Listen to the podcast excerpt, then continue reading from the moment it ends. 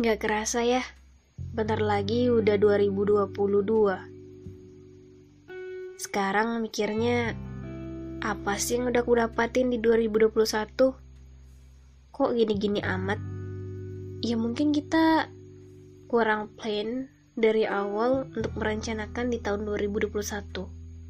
Atau kita lalai dengan apa yang telah kita rencanakan.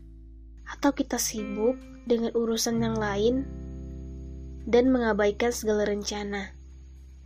Atau ada hal yang lain mempengaruhi rencana kita selama satu tahun.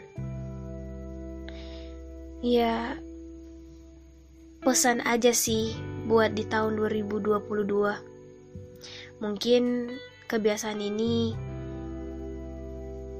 bisa berdampak selama 12 bulan ya mungkin aja belum pernah melakukan, tapi cobalah lakukan di tahun 2022 yang akan datang.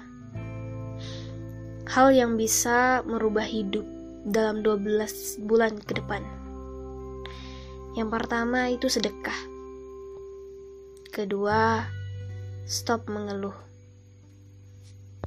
Ketiga, olahraga minimal 30 menit setiap hari. Tingkatin satu skill yang udah kamu miliki. Pelajari satu skill yang harus kamu miliki. Bikin daily checklist setiap malam yang sudah kamu lakukan. Stop berurusan sama orang yang gak bisa bawa vibes positif.